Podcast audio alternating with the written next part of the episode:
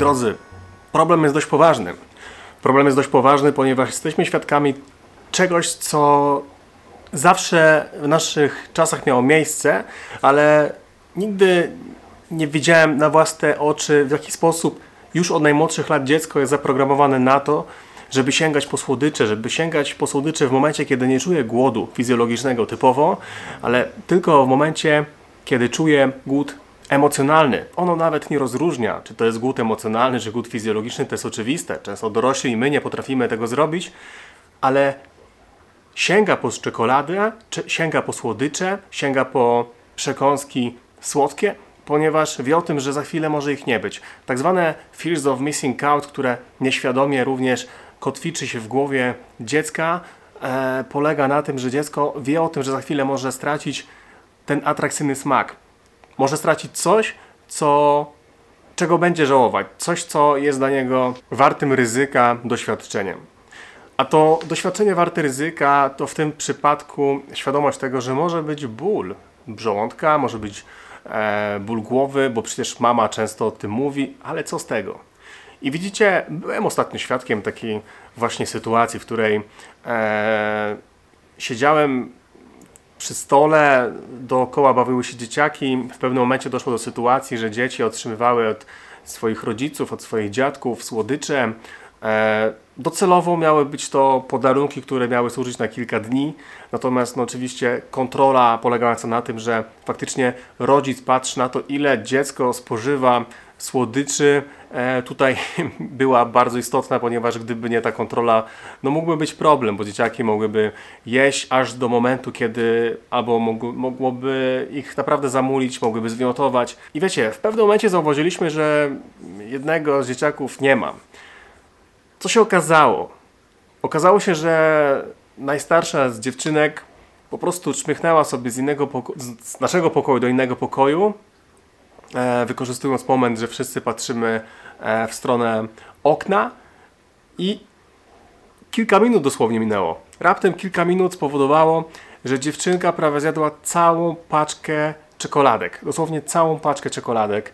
I wiecie, babcia próbowała to obrócić w żart.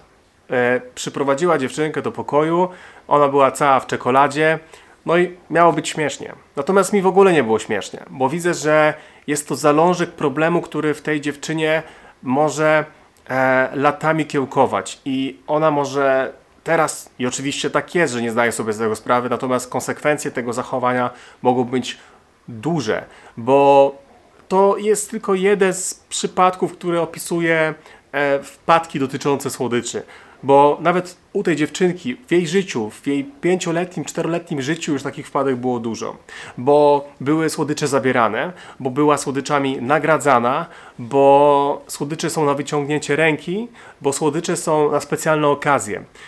Ale wiecie jaki jest problem? Problem jest taki, że ona robi to nieświadomie, ale ona modeluje.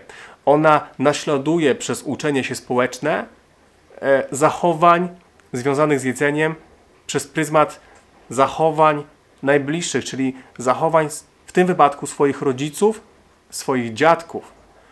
I wiecie, za każdym razem, kiedy ktoś mnie pyta o rady, w jaki sposób mam pomóc mojemu dziecku w walce z nadprogramowymi kilogramami, w walce z neofobią, z jedzeniem e, nowych rzeczy, bo moje dziecko nie chce jeść nowych rzeczy. Moje dziecko mogłoby jeść ciągle kanapki z masłem i z nutellą, albo na przykład parówki, albo schabowego z ziemniakami, bez żadnych surówek, to zawsze zaczynam od kuchni. W tym wypadku kuchni, czyli zawsze zaczynam od rodziców. Jeżeli ty mi pokażesz swoje nawyki żywieniowe, to jestem w stanie wyciągnąć duże wnioski. I oni też są w stanie wyciągnąć duże wnioski, ale oni działają nieświadomie.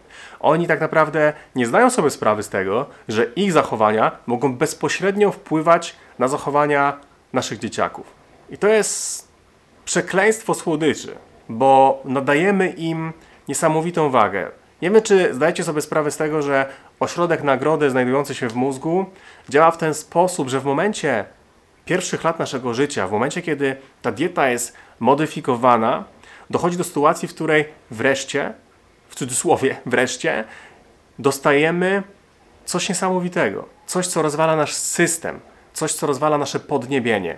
Dostajemy mieszankę tłuszczu cukru, emulgatorów smaku, multum różnych substancji, które powodują, że oto czekoladka, jaką dostajemy, jest najlepszą rzeczą, jaką do tej pory jedliśmy. Owszem, były słodkie smaki. Było mleko modyfikowane słodkie, było mleko matki, które ma słodki posmak. Były pierwsze kaszki, pierwsze zupki, które były słodkie. Nawet czasami dostajemy warzywa jako pierwsze, które mają być słodsze, marchew, batat, ale ta mieszanka jest dla nas czymś nowym. I układ nagrody działa w taki sposób, że zapamiętuje ten smak, zapamiętuje to doznania i robi wszystko, żeby jeszcze raz poczuć tę samą przyjemność. I jeszcze raz poczuć wyrzut endorfin, jaki otrzymujemy przez pryzmat tego właśnie słodkiego pokarmu. I tak kształtuje się w nas no, przeróżna po prostu synergia, jeśli chodzi o nasze samopoczucie i nasze doznania smaku. Często jest tak, że nie potrafimy okiełznać naszych emocji, nie, nie potrafimy okiełznać słodyczy, a często nie, potraf, nie, nie, potrafimy dotrzeć do tego, że okiełznanie naszych emocji może równać się okiełznanie naszych słodyczy, naszej relacji ze słodyczami.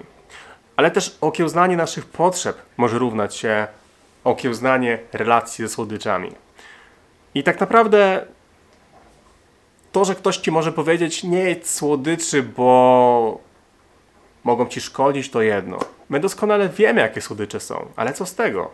Doskonale wiemy, w jaki sposób na nas działają, ale co z tego? Palacz kupuje paczkę papierosów z zdjęciami dość hardkorowymi, dość brutalnymi, ale co z tego?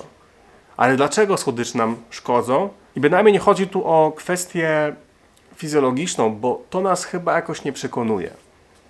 Natomiast to, w jaki sposób słodycze działają na nas z punktu widzenia psychicznego, no może być problemem. Ja jestem przekonany o tym, że nawyki żywieniowe, a w zasadzie zmiana nawyków żywieniowych, nie równa się wcale odchudzanie i no, zrzucanie tych zbędnych kilogramów na poczet e, usunięcia ze swojego jadłospisu e, słodyczy, fast foodów, e, nie wiem, większej ilości cukru. Ja jestem przekonany, że prawidłowe odchudzanie to przede wszystkim skupienie się na przyczynie, ale też usunięcie napadów kompulsywnych.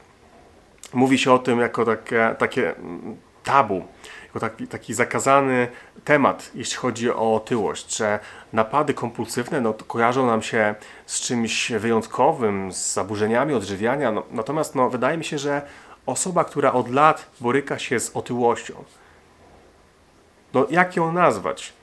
To osoba, która ma zaburzenia odżywiania.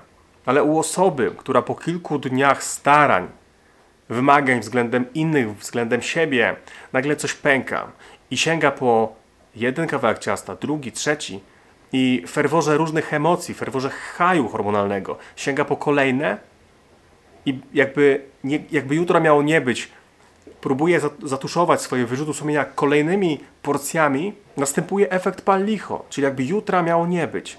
Jakby jutro miałoby się to wszystko resetować. No i pewnie się resetuje. Pewnie się resetuje i po kolejnym posiłku. Ale nie potrafimy tego okiełznać. I chciałbym Was zaprosić przy okazji tej mojej pogadanki na bezpłatny webinar, który ma miejsce 10 maja o godzinie 20. Tam porozmawiamy sobie na temat objadania się słodyczami, na temat strategii, jakie mogą pozwolić nam okiełznać ten problem. Do zobaczenia, a link zostawiam pod tym filmem. Hej!